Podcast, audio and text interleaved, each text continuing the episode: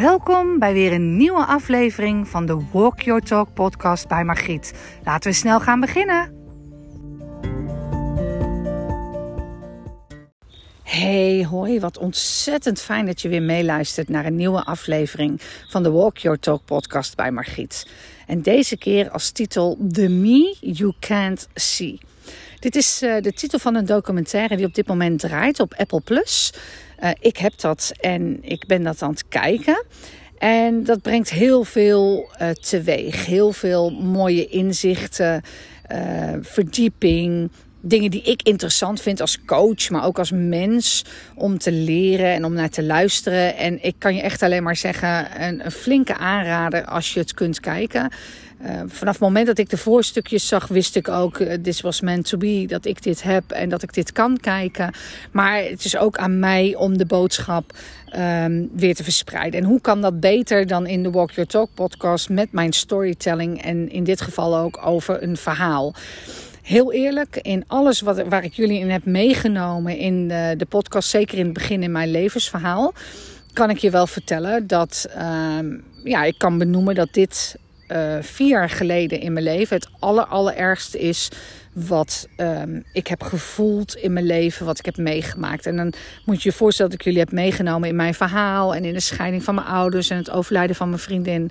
Maar 2017 die kan bij mij wel de boeken in als het meest indrukwekkende jaar ever. Het, het jaar met het meeste verdriet, pijn en waar ik zelf de me you can't see nog wel eens heb toegepast.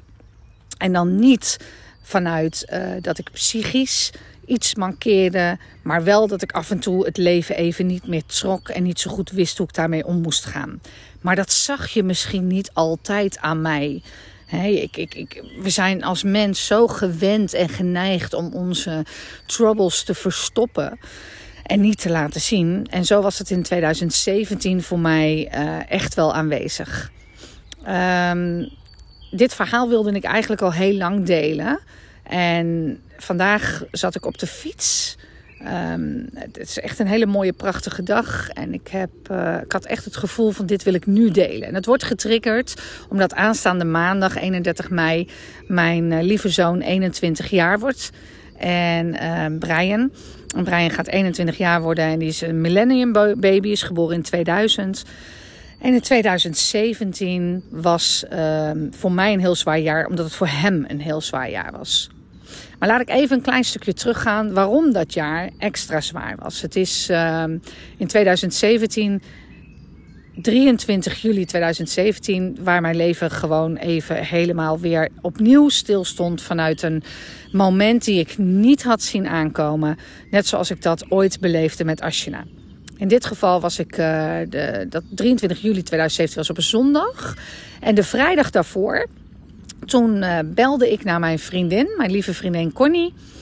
En Connie en ik gaan way back. Uh, wij zijn overburen geweest en uh, een beetje het thema in mijn leven dat ik altijd een hele goede band heb en hou met mijn buurtjes, uh, waar ik bevriend mee ben geraakt. Wij hebben echte kinderen van elkaar zien opgroeien. Mijn kindje geboren, Brian is, is geboren daar waar wij toen woonden. En Connie en ik, ja, jeetje, is met geen pen te beschrijven hoe close. En wij zagen elkaar elke dag. En uh, wij hebben echt een hele bijzondere band. En vooral omdat uh, Connie en ik het verhaal hoe we elkaar hebben leren kennen, dat, dat is een verhaal apart. Want wij, wij leken eigenlijk niet zo echt op elkaar. En we waren echt twee hele verschillende types. En toch is dit een vriendschap waar ik in mijn leven lang zolang als dat ik haar kende, geen ruzie mee heb gehad. Niks. Geen onvertogen woord. Altijd liefde en begrip. En uh, ja, heel, heel bijzonder hoe wij met elkaar hebben mogen samenleven en opgroeien. En um, ja, de kinderen van haar, uh, haar dochters Debbie en Stephanie waren echt zo aan mij ook verwant en verkleefd. Die sliepen bij mij, die aten bij mij. En we hadden uh, de leukste feesten. Ik moet zeggen, in de tijd dat ik daar woonde en hun leerde kennen, was het echt, uh, ja, echt een heel gelukkig moment in mijn leven. Nou, Connie en ik zijn in de jaren door. Ik ben verhuisd, ik ben gescheiden, ander huis. En waar Connie dacht dat onze band eigenlijk heel slecht zou gaan worden, is die band eigenlijk alleen maar verdiept. Het enige vervelende van, van dit verhaal is dat Connie een, een gen bij zich droeg van een, uh, een ziekte, een, spierziekte. Die uh, begon, hè, ik leerde haar kennen, dat kon ze nog gewoon lopen en dansen en feestvieren, maar die steeds meer verslechterde. En Connie kwam uiteindelijk uh, van een, ja, in een rolstoel terecht, in zo'n ehm, stoel waar je gewoon overal mee naartoe kan. Uh, rijden. En, en wij hebben zelfs onze tuin in het nieuwe huis aangepast. Zodat Connie altijd uh, bij ons kon komen. Omdat ik woon op een huis waar een trappetje aan de voorkant is. En aan de achterkant hebben we de tuin toen zo gemaakt dat zij er zo op kon rollen. En altijd bij ons ook aanwezig kon zijn. En weet je, met alle beperkingen die ze had, was het echt een van de positiefste mensen die ik kende. Vroeger had Connie een hele grote mond en was Con echt heel erg aanwezig. En uh, ja, weet je, echt wel een heel ander type dan ik. Maar in de loop der jaren was ze rustiger en liever. En, en ondanks haar handicap zo positief. Ik denk dat ze geen idee heeft gehad wat voor impact zij nog heeft gemaakt op andere mensen. Als ze in haar scootmobiel aankwam rijden. En, en nog zo zelfstandig was en zoveel wilde doen ondanks haar beperkingen. Ja, dat zijn altijd wel mijn grote leerscholen in dit leven geweest. Wat je allemaal nog kan, ondanks dat je beperkt bent. Dat, is echt, uh, daar is zij een heel groot voorbeeld van. En een vriend van mij, Sander, is daar een heel groot voorbeeld van.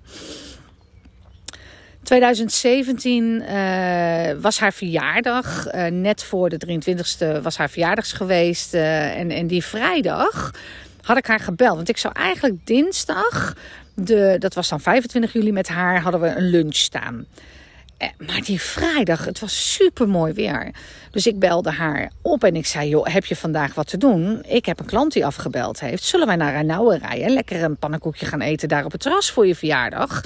Want ja, weet je, het, het, is nu super mooi weer. Nu moeten we het moment pakken en ik ben vrij. En ik had enorm sterk het gevoel dat ik haar moest bellen. En dat we naar Renauwe moesten om daar een pannenkoek te gaan eten. En alles in mij zei dat dat op die vrijdag moest gebeuren. En zij appte natuurlijk direct terug: eh, De, wat dacht jij? gaan we zeker doen. We keken er naar uit. En uh, we hadden het eigenlijk zo afgesproken. Dus het was heel bijzonder dat wij die vrijdag met elkaar. Zij werd dan gebracht met een taxi waar ze met stoel en al in kon rijden. En ik ging op de fiets. En wij zagen elkaar bij Renauwe. En we hebben daar echt een fantastische middag gehad. Het was een middag waar Connie echt, uh, ja, en ik hele, zoals altijd, open, eerlijke gesprekken hadden. En deze keer gingen we ook wel heel erg de verdieping in over onderwerpen waar we het uh, niet zo heel vaak over hadden. En waar je het met elkaar denk ik ook niet vaak over heeft. Maar wel over ja, hoe het met haar ging. Dat, dat ze voelde dat ze achteruit ging, dat het wat slechter ging, wanneer het voor haar genoeg was, hoe ze haar einde voor zich zag en dat ze daar ook nog zelf een, een stem in wilde hebben en of ik daar mee voor wilde zorgen. En, en ze echt wel de vraag gesteld of ik wilde zorgen dat als zij op een gegeven moment aan euthanasie toe was, dat ik ja, toch ook wel zou proberen dat alle uh, stemmen en alle gezichten dezelfde kant op zouden te staan, zodat ik dat ook met de meiden en met, met haar man kon voorbereiden hele aparte verhalen uh, kregen we en, en gesprekken over de uitvaart. Nou ja, we hebben ook hele mooie gesprekken en gelachen. En Connie heeft zitten smullen van haar pannenkoek. Echt niet normaal. En is s'avonds ook thuisgekomen met van, jezus, ik heb zo lekker gegeten. Ik heb er gewoon een hele dikke buik van. We hebben echt een mooie dag gehad. Het enige wat apart was aan die dag was dat ik aan het einde van de middag toen zij wegging ze werd opgehaald en ik gaf haar een hele dikke knuffel. En ik zei hoeveel ik van de hield. En de, dat hebben we altijd naar elkaar uitgesproken. En ze reed weg in de taxi dat ik een dikke slik in mijn keel voelde. Omdat ik wist dat dit wel eens een moment kon zijn. Hè, dat, dat ik me besefte dat ik weer een vriendin ging verliezen met de tijd. Dat er weer een vriendin op jonge leeftijd mij zou ontvallen. Waar Ashina, mijn andere vriendin, tien jaar geleden in 2011 overleed en dat heel onverwachts was, wist ik met Connie van ja, weet je, dat gaat ook een keer gebeuren. En, en Con was nog jong. En je verwacht ook niet dat dat dan snel gebeurt. Maar je had wel in je hoofd dat, dat er een keer zo'n moment komt. Dus ik ben die middag nog naar de lek gereden. Dat is de plek waar ik altijd kom om even bij Ashina te zijn om dat gevoel ook even een plek te geven. Mijn man belde nog uh, s'avonds en die zei van... joh, waar ben je? Ik zeg, nou, ik zit even aan de lek. Ik heb zo'n apart gesprek ook met Connie gehad. Ik moet echt even landen en even het uit mijn systeem... en het verdriet mogen voelen dat ik iemand zoiets anders gun in de leven. En uh, ja, hoe mooi het ook was. Dus alles, alle emoties tegelijk mochten gevoeld worden. En als ik zeg de me you can't see, dan is dat wel een dingetje van mij. Dat verwerk ik in mezelf en dat process ik zelf. En dat verwerk ik ook het liefst alleen. Gek genoeg langs de waterkant. Dat vind ik dan een hele fijne plek om de eb- en vloedbeweging bij het strand of gewoon langs de lek, die golfjes en dat, dat heen en weer. Ja, het soothing, zeg maar. Heel kalm, rustgevend werkt dat voor mij. Nou, die dag ben ik naar huis gegaan en het werd weekend. En mijn mannen die gingen zondags uh, lekker een visje, gingen vissen, gingen visje vangen. En die gingen weg en ik zat aan de administratie boven op ons kantoor. En mijn telefoon gaat en het is de man van Connie. En dan moet je je voorstellen, Arnold en ik hadden best wel een, een band. Maar hij belde mij eigenlijk nooit zomaar. Dus er zat er gelijk een soort schrik omheen. En hij zei alleen maar, Margriet, wil je even gaan zitten? En toen wist ik het al. Connie was uh, die ochtend uh, overleden. In haar slaap. En uh,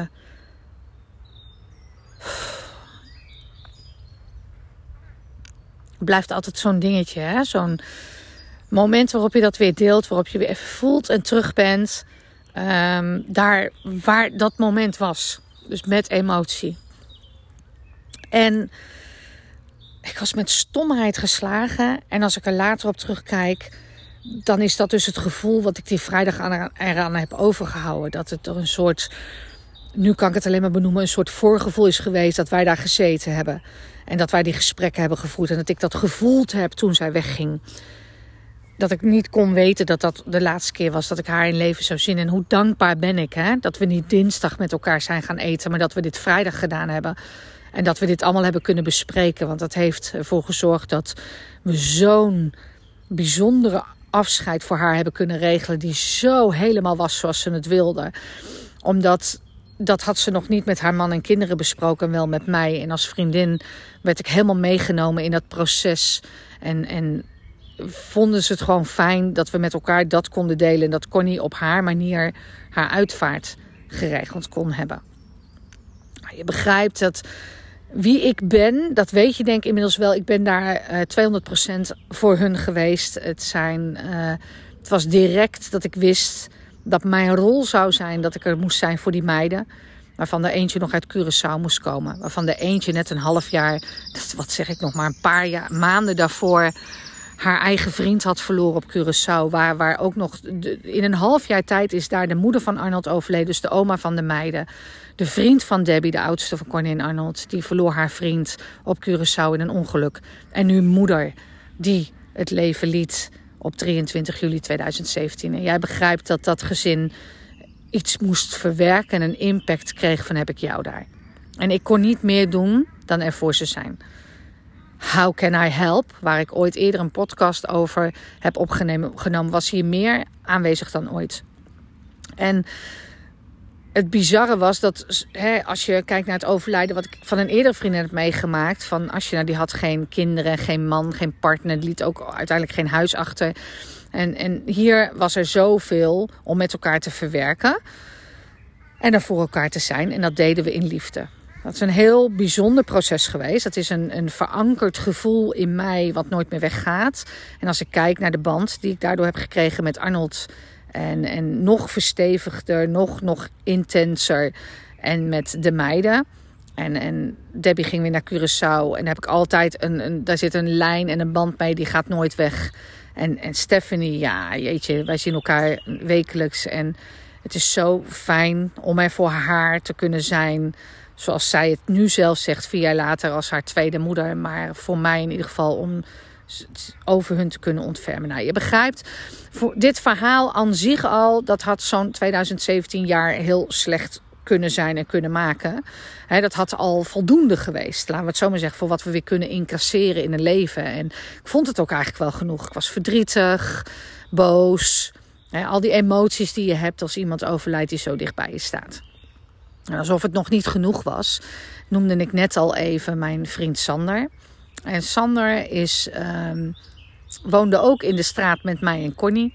En toen Sander 17 was, is Sander ziek geworden van de een op de andere dag door middel van een uh, pleunostreptokokkenbacterie. En vraag me even niet meer precies uh, welke benaming de goede is, maar in ieder geval iets wat zich bij hem aandiende en wat hij uh, op dat moment beleefde door van het ene moment gezond en een beetje grieperig naar, naar bed te gaan. En het andere moment door je ouders een ambulance te bellen naar het ziekenhuis te moeten komen. En van het een in het ander vervallen. Van, van een bacterie die je hersenstam aanvreet. Noem maar op. Waardoor ik een buurjongen had van 17. Die in het ziekenhuis kwam. En daar de eerste tijden niet meer uitkwam. En die vervolgens ehm, verlamd is geraakt. Vanaf zijn nek tot onderaan zijn benen. Dus die op dat moment als 17-jarige jongen, ziekenhuis in en uit, ouders achterlatend. Als je wat hoort, dan eh, is het een, eh, een tractor die aankomt. Maar dat betekende dat, dat naast het overlijden van Connie we ook um, in dit jaar, 2017, geconfronteerd werden met een Sander die inmiddels al uh, wat ouder was. Ik was uh, eh, 44 geworden in dat jaar en hij was 33 geworden. We hebben echt nog gelachen om uh, de leeftijden van ons met dubbele nummers. En, en Sander en ik hebben al die jaren contact gehouden. Want je moet je voorstellen, in die tijd dat, dat Sander dit mankeerde, dacht ik alleen maar: het zal je als ouder toch maar overkomen. Dat je in die tijd, op dat moment, je zoon van het een op het andere moment van gezond naar verlamd vanaf zijn nek in het ziekenhuis en ook op een gegeven moment buitenshuis in een tehuis. Ik vond het verschrikkelijk en ik had mezelf ook voorgenomen om te om, ja, wat ik kon doen, kon ik doen. Dus wij hebben video. In die tijd had je nog dat je echt uh, films opnam hè, op een DVD. En dat deed ik dan zodat hij dat kon afspelen. Muziek. Uh, wat we maar konden bedenken. Uh, mail met elkaar. er zijn voor zijn ouders een kaartje sturen. Het zat heel erg in mijn systeem. Nou, Sander is, is was 33 uh, vier jaar geleden. En, en ik werd 44. En we kwamen op elkaars verjaardagen. En voor hem was dat en de mensen die contact met hem hielden ook heel belangrijk. Maar het ging met Sander niet goed. En dat was meerdere keren in een seizoen.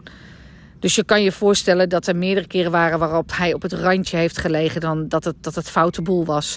Dat lichaam wat verlamd is, wat, wat maar heel laat aangaf wanneer er iets was. En wat ouders of, of verzorging maar weer moesten constateren. En zo uh, was, was eigenlijk hij eindelijk dichterbij voor ouders om te bezoeken. Maar ging het met Sander ineens heel slecht.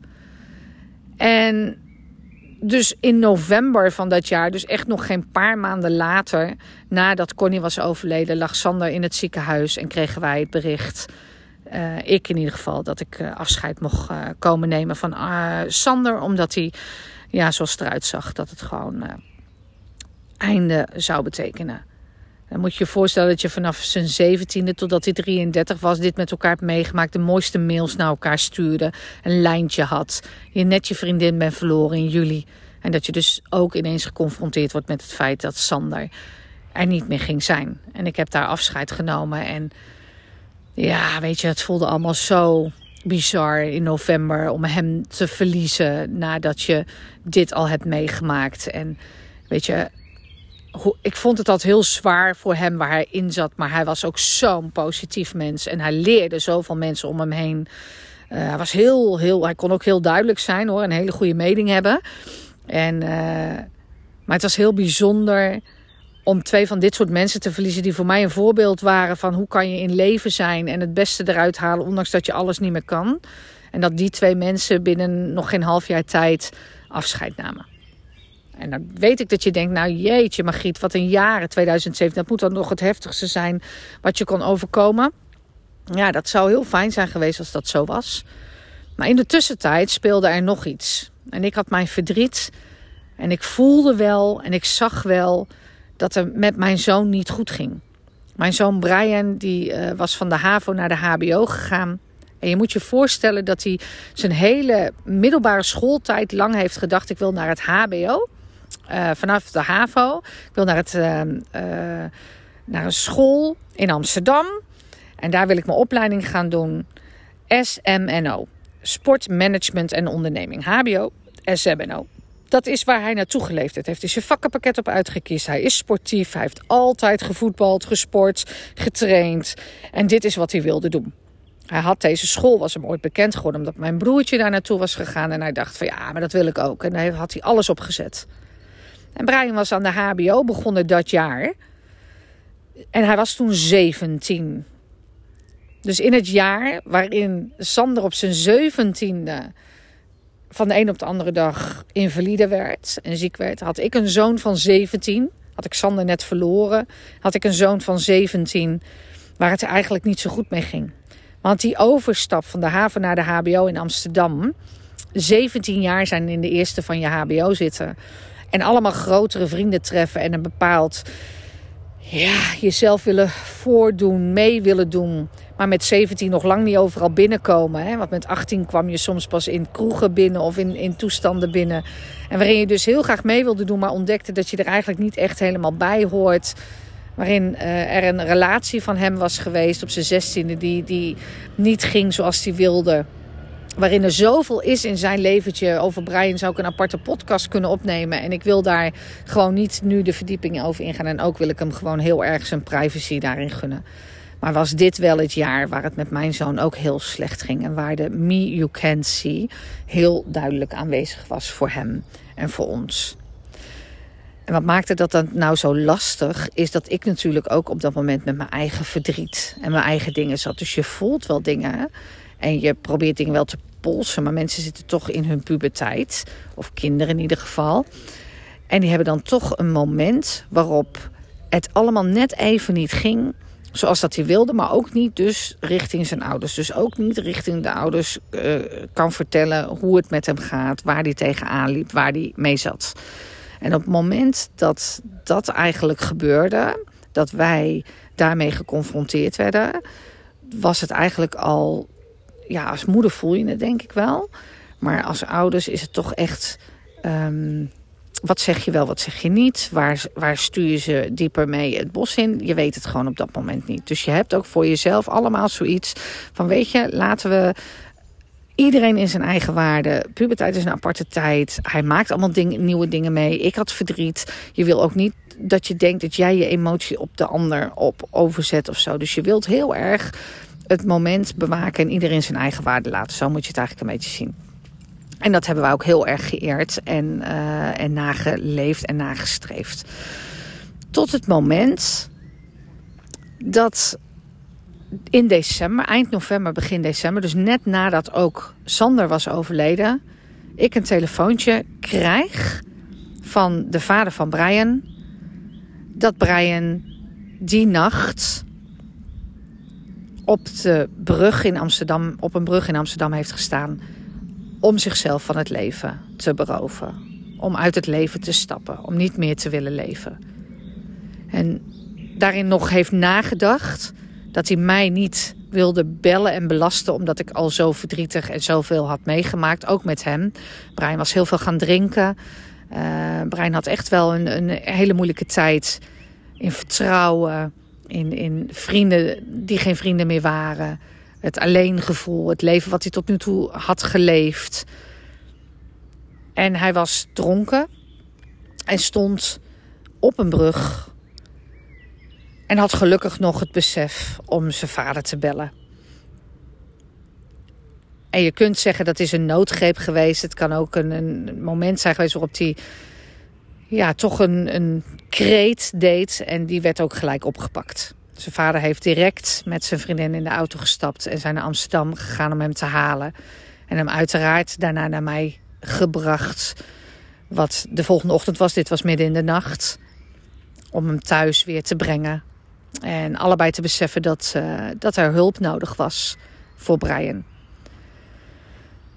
En als je nou zegt, was dat het dan, Margriet? Ja, dat was eigenlijk hè, met alles wat je meemaakt. En ik ga niet bagatelliseren wat de gevoelens zijn. Maar dat was de druppel die bij mij de emmer deed overlopen. Want sterk willen zijn en moeten zijn en er voor anderen willen zijn. Maar dan ineens iets meemaken wat ongeveer het ergste is wat ik mezelf kon voorstellen. Wat er zou gebeuren in mijn leven. En waarom weet ik dat?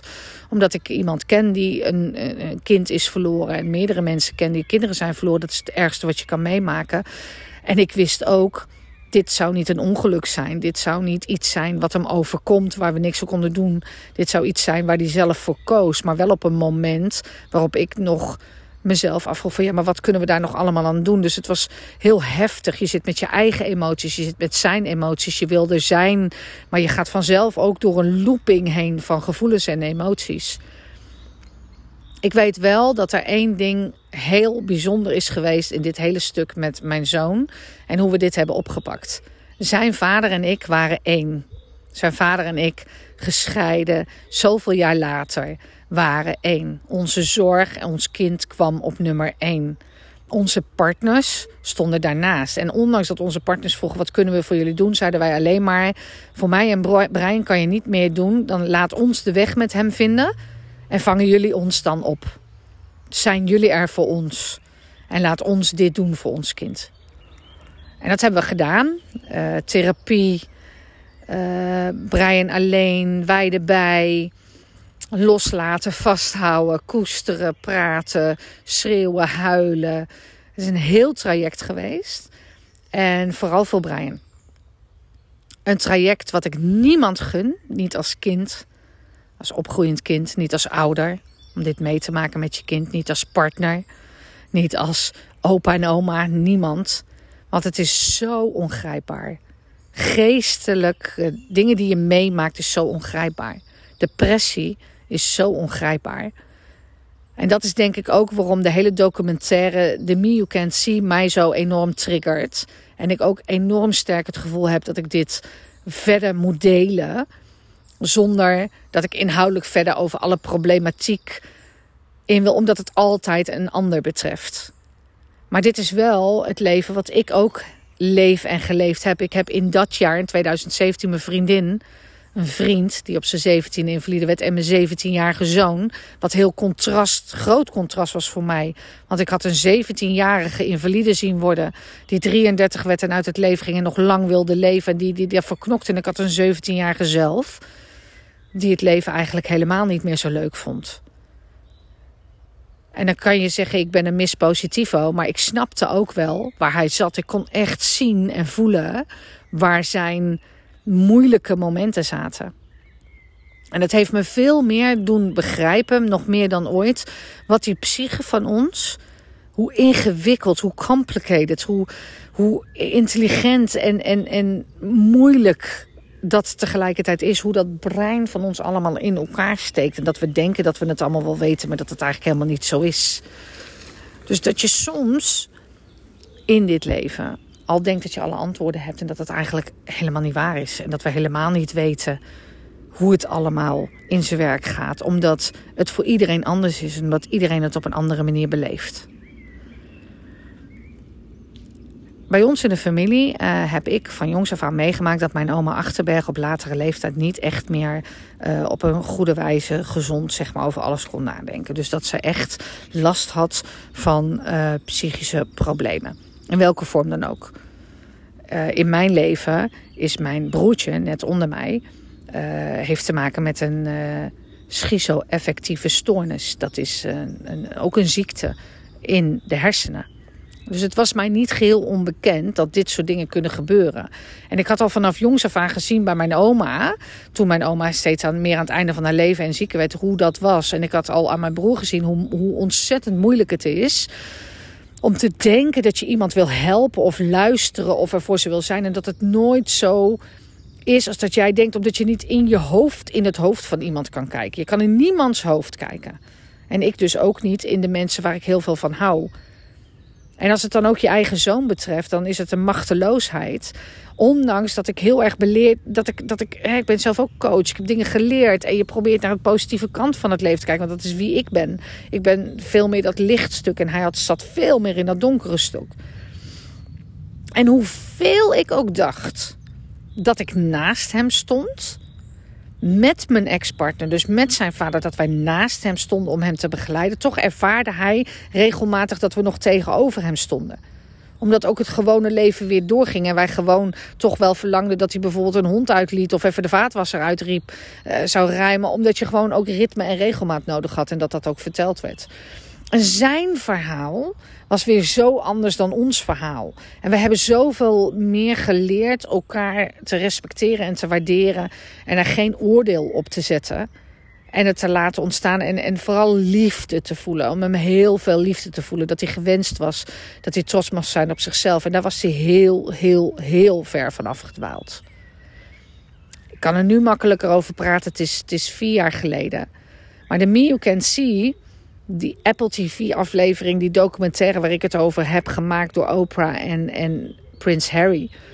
gaat zo de diepte in over heel veel verschillende vormen in de psyche van de mens waar je doorheen kan gaan.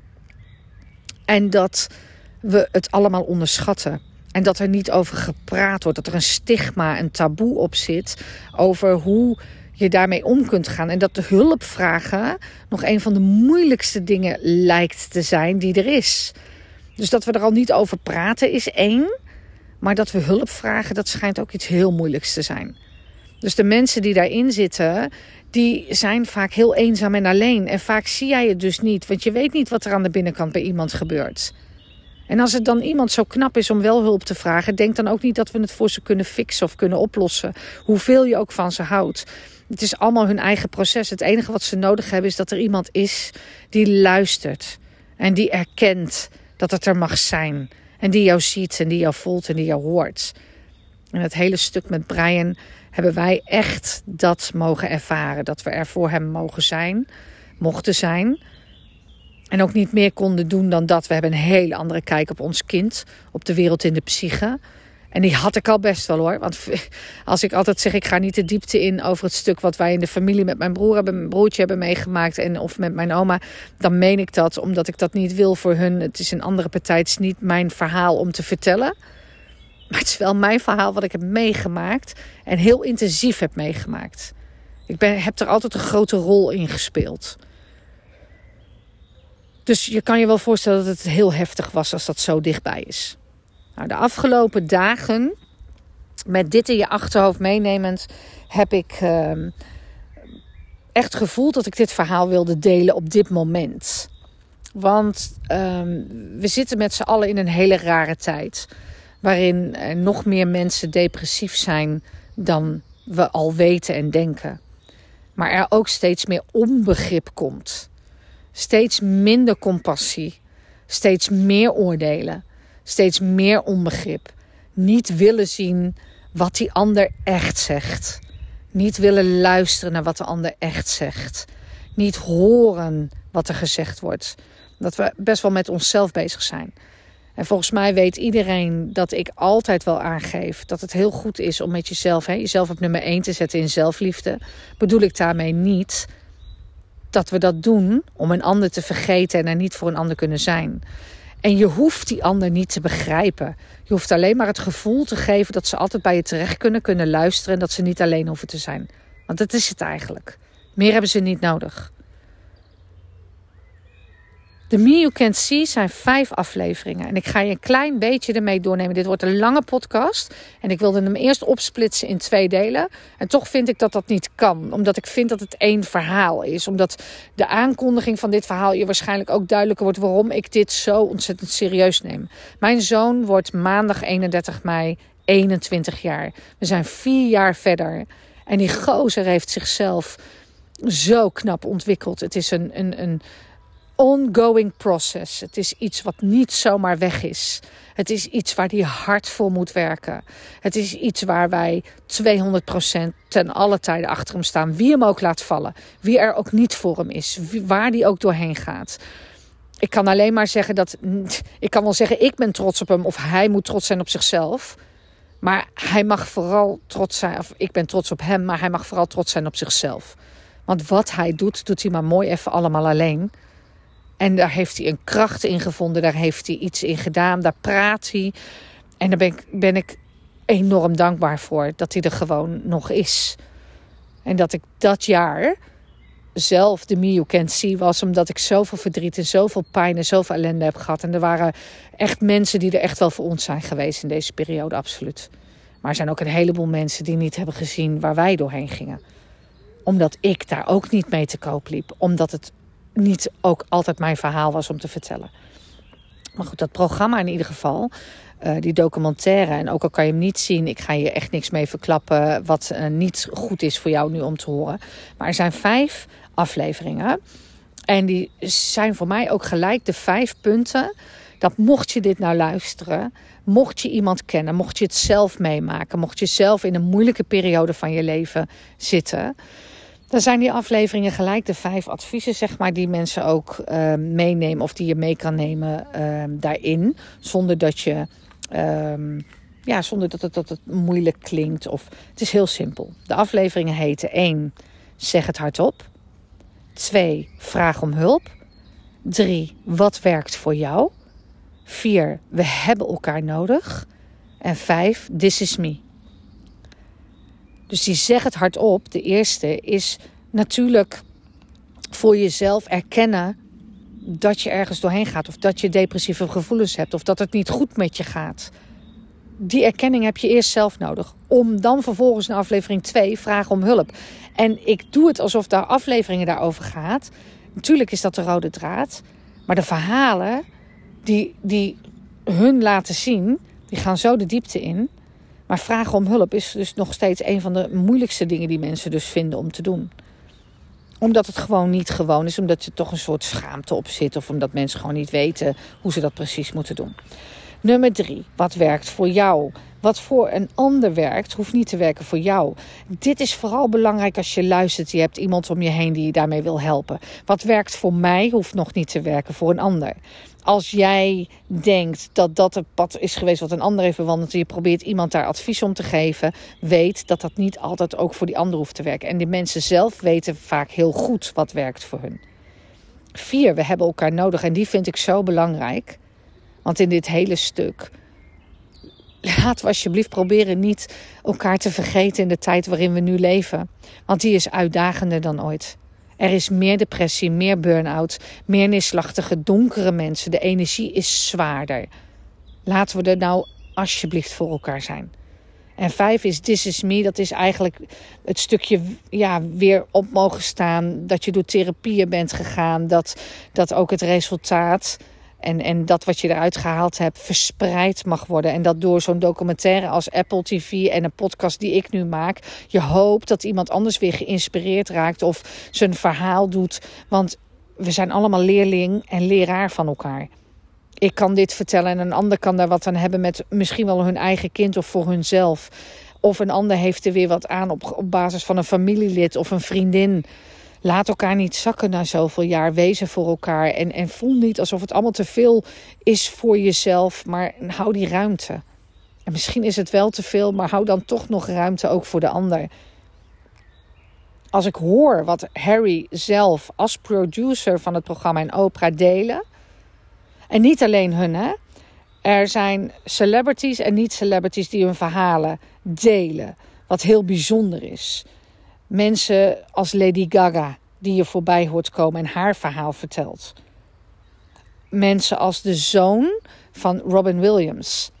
Zack heet hij. Die zelf ook zijn vader verliest hè, door suicide, door zelfmoord. En, en ook met dingen achtergelaten bleef. En depressies en verslavingen te kampen gehad waar hij meer mee moest dealen. En de verhalen zijn zo uit het leven gegrepen en zo belangrijk om te delen. Dat ook in dit leven, en zoals Lady Gaga dat heel mooi zei, dan heb je het leven met geld en status en aanzicht. En dan ben je dus nog niet gelukkig. Dan zijn er nog dingen die bij je spelen vanuit trauma. Van dingen die je overkomen zijn.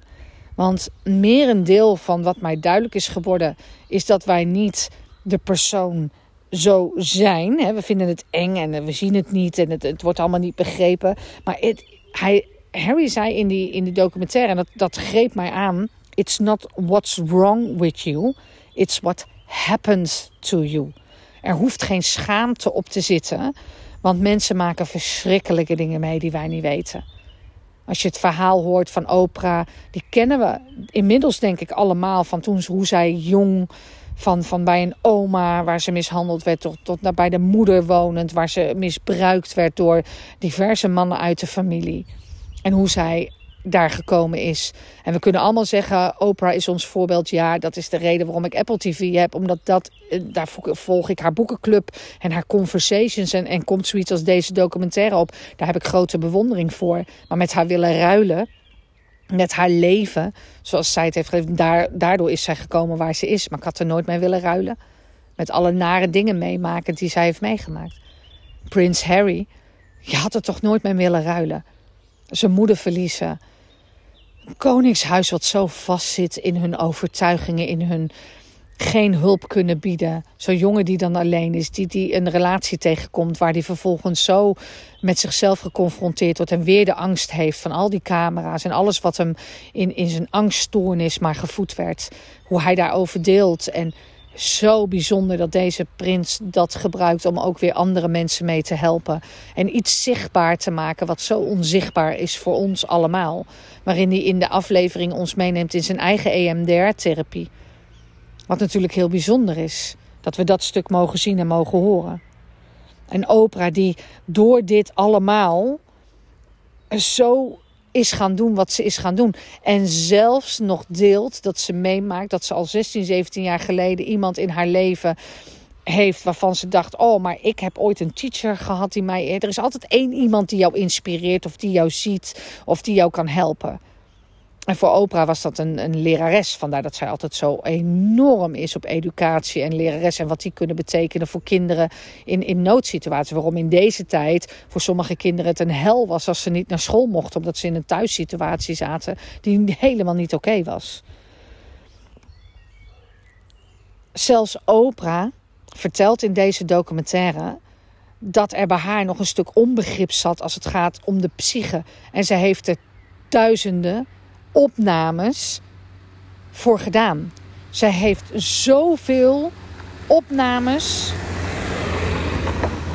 gedaan over de psyche, over de menselijke psyche. En nog was er ook bij haar niet weten, onbegrip, niet beseffen dat het zo diep kan zijn met menselijke psyche. Dat je iemand niet alleen helpt door naar ze te luisteren, met ze te praten en een paar opdrachtjes te geven. Dat het niet zomaar over is. Dat het echt wel wat meer tijd soms kan kosten. En medicijnen en of hele diepgaande therapieën. En jaren en jaren waarin mensen hun valkuilen weer hebben. En weer opklimmen en weer terugvallen. En Lady Gaga die ook echt meegeeft. Die is al heel jong door een producer vastgehouden in een, in een, in een studio. En, en misbruikt. En zwanger weer afgedropt bij de ouders. En zij ging zichzelf snijden. Van joh, dan, dan zien anderen wel dat ik pijn heb. En ergens moest het ook weer verborgen worden, die pijn. En zij zegt altijd nu: Don't show somebody your pain. Tell somebody your pain. Dus laat het niet zien, maar vertel het. Wees er open over. Ze heeft oefeningen waar ik weer wat van leerde. Van hoe kan je iemand weer terugbrengen naar het nu. je bent niet je verleden. Dat wat ik zo vaak zeg, dat oude verhaal wat ik herschrijf met mensen in mijn coaching. En ze naar dat nieuwe verhaal toe laten gaan. Is zo helend om te beseffen dat je in het nu je schouders naar achteren mag rollen, je ogen open mag doen en beseffen: oh ja, ik zit hier nu. En op dit moment waar ik zit, zit ik op een bankje midden in een, een ik dacht een heel rustig stuk, maar ik heb al heel veel mensen voorbij hebben gelopen hier en, en zelfs een auto voorbij reed. En dan komt er een zon recht op mijn gezicht, terwijl ik dit allemaal zit te vertellen. En dan ben ik hier in het nu beland. Maar hoe vaak word je niet teruggeworpen naar vroeger? Herkenning, meer begrijpen. Een, een documentaire zoals dit. Mensen horen praten die uit Syrië zijn vertrokken, de trauma's die daar worden meegenomen, geeft mij alleen maar meer begrip. Mensen die vertellen over schizofrenie, die raken bij mij persoonlijk. NBA-basketballers die tegenwoordig meer opstaan voor psycheproblemen. Donkere mensen, hè, die, die gekleurde mensen, die helemaal, daar, daar is het helemaal taboe om daarover te praten. Het, eh, in de NBA werden hele eh, praatgroepen opgericht toen Kobe Bryant uh, overleed met zijn dochter. Omdat, jeetje, wat doet dat met je? Gelukkig wordt er steeds meer aangegrepen om met elkaar over dingen te praten. En om steeds meer begrip te krijgen voor wat er gebeurt bij mensen diep van binnen, wat je niet kan zien. Hoe bijzonder is deze titel? The Me You Can't See.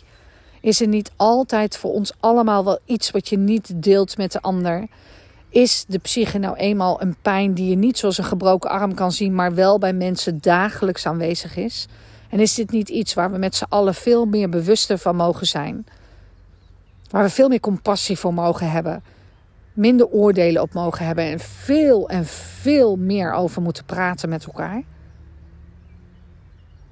Voor mij is ehm, de podcast delen vanuit storytelling. Uh, en ook vanuit mijn expertise in de loop der jaren, hè, meer dan tien jaar werkend als Louise Hay Teacher. Ook elke keer weer een heel mooi proces voor mezelf.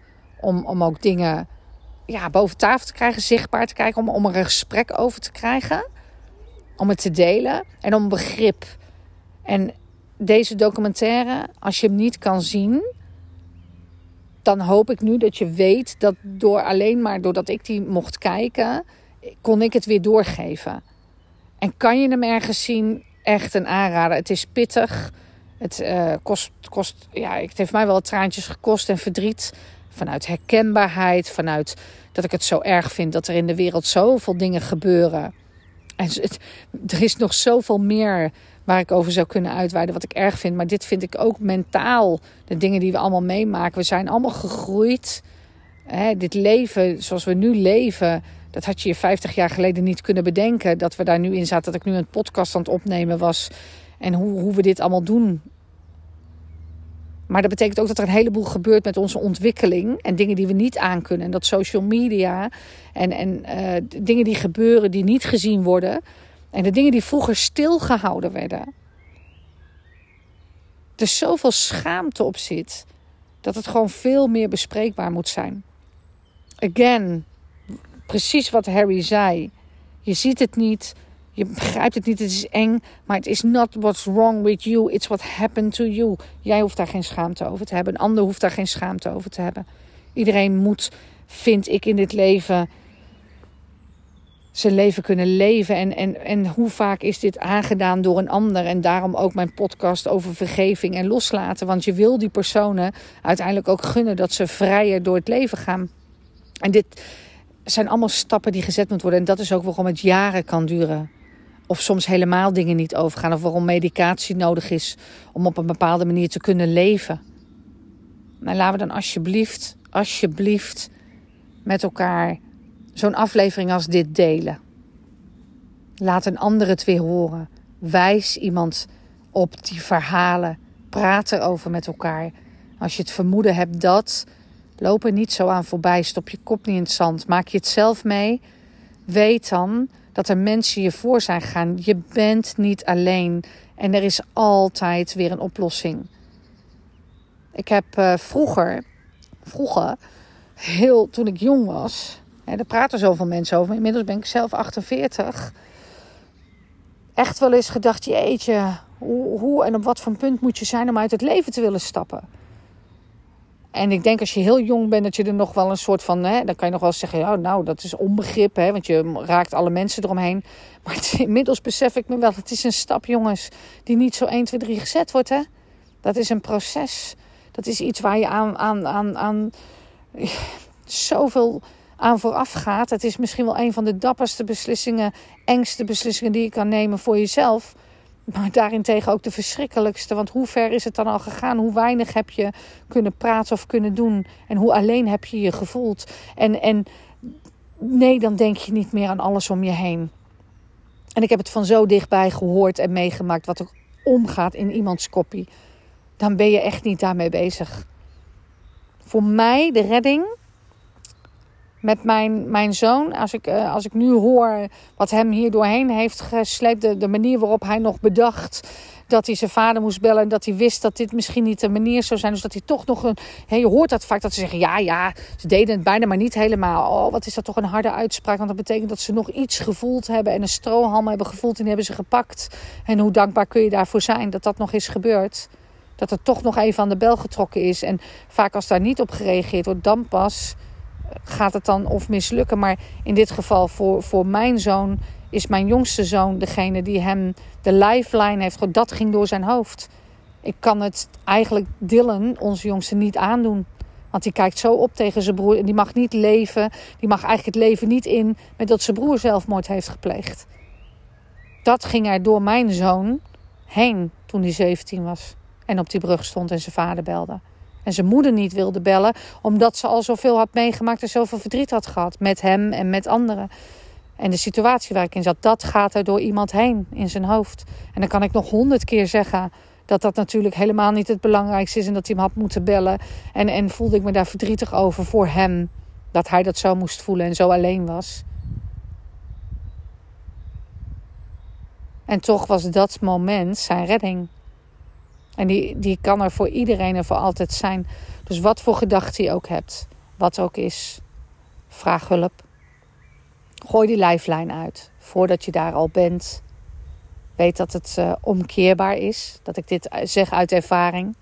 Dat ik op dit moment een kind heb die uh, tot mijn grote geluk een paar weken geleden zei dat hij al die jaren op zoek is geweest naar geluk buiten zichzelf. En dat hij nu pas echt voelt, diep, diep van binnen voelt, hoe het is om gelukkig te zijn, om dingen weer te voelen en weer te ervaren. Het gevoel, dat kon bij hem eigenlijk niet meer zo binnenkomen. Daar was, had hij zich volledig voor afgesloten. En dat hij nu weer voelt hoe lekker de zon is en warm is. En weer voelt hoe fijn het is om vrienden te hebben. En ja, dit geeft altijd een hele uh, ja, grote kikker in mijn keel. Omdat het is niks liever dan dat je kind gelukkig is. Het allergrootste geluk voor mij als moeder is dat mijn kinderen gelukkig zijn. En ik weet dat dat niet uh, zo makkelijk is. Ik neem even een slokje water, want ik zie dat ik gewoon al bijna 50 minuten deze podcast aan het inpraten ben. En ik had water meegenomen.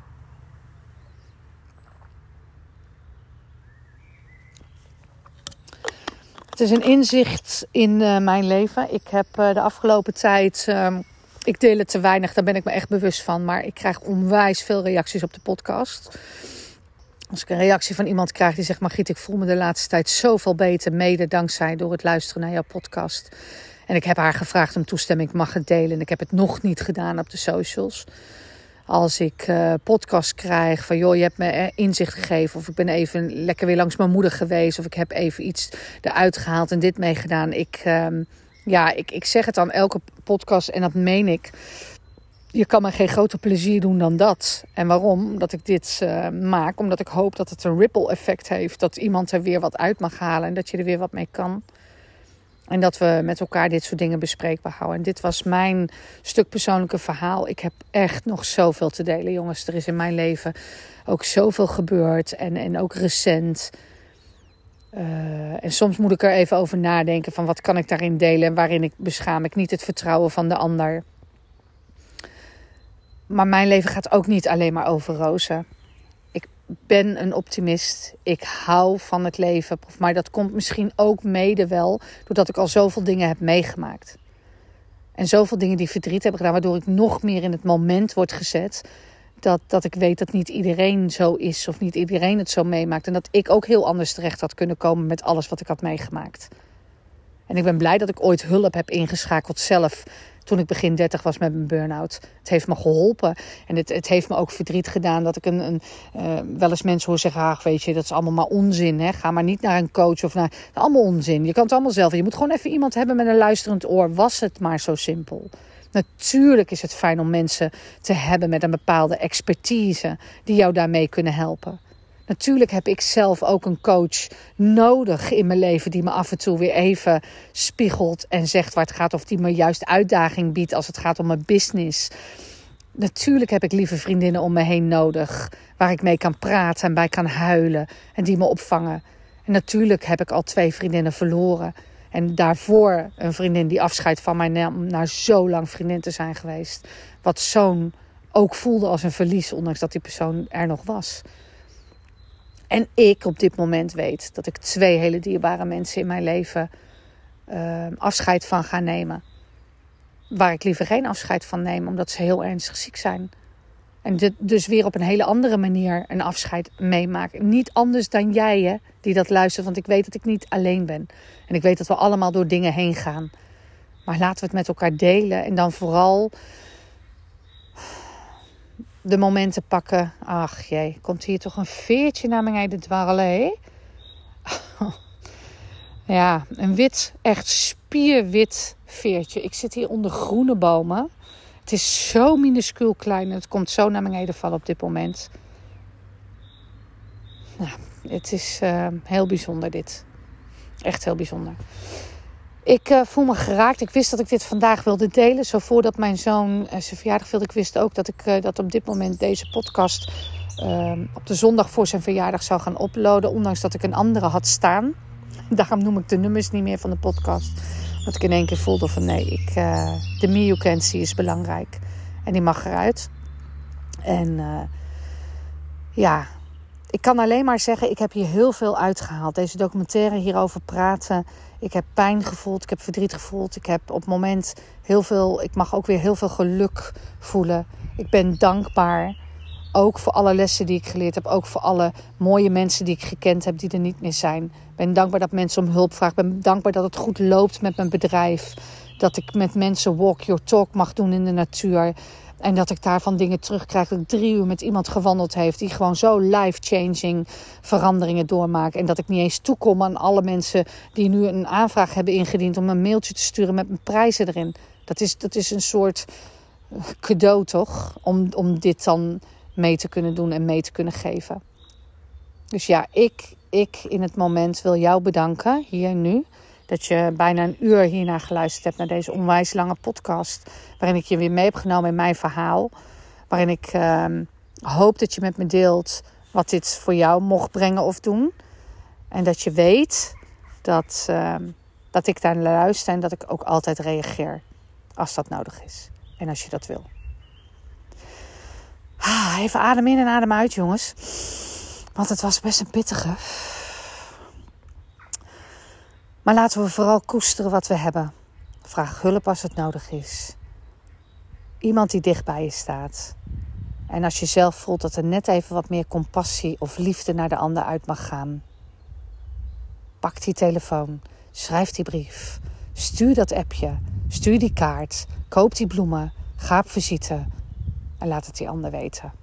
Want je weet nooit hoe helpend en hoe fijn dat gaat zijn voor die ander wens je een hele mooie dag en tot de volgende podcast.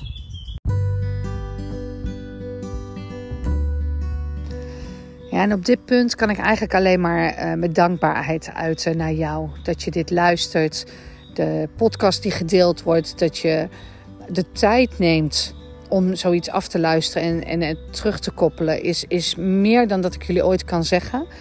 Op dit punt in de podcast wil ik je alleen maar bedanken. Dankjewel dat je deze luistert, geluisterd hebt. Dat je een onderdeel bent van mensen die dit met mij groter maken. En ik weet dat jullie volgen, subscriben, liken. Ik zou het super tof vinden op iTunes als er nog een mooie recensie geschreven kan worden of wat sterren worden achtergelaten. Ik ben er allemaal blij mee.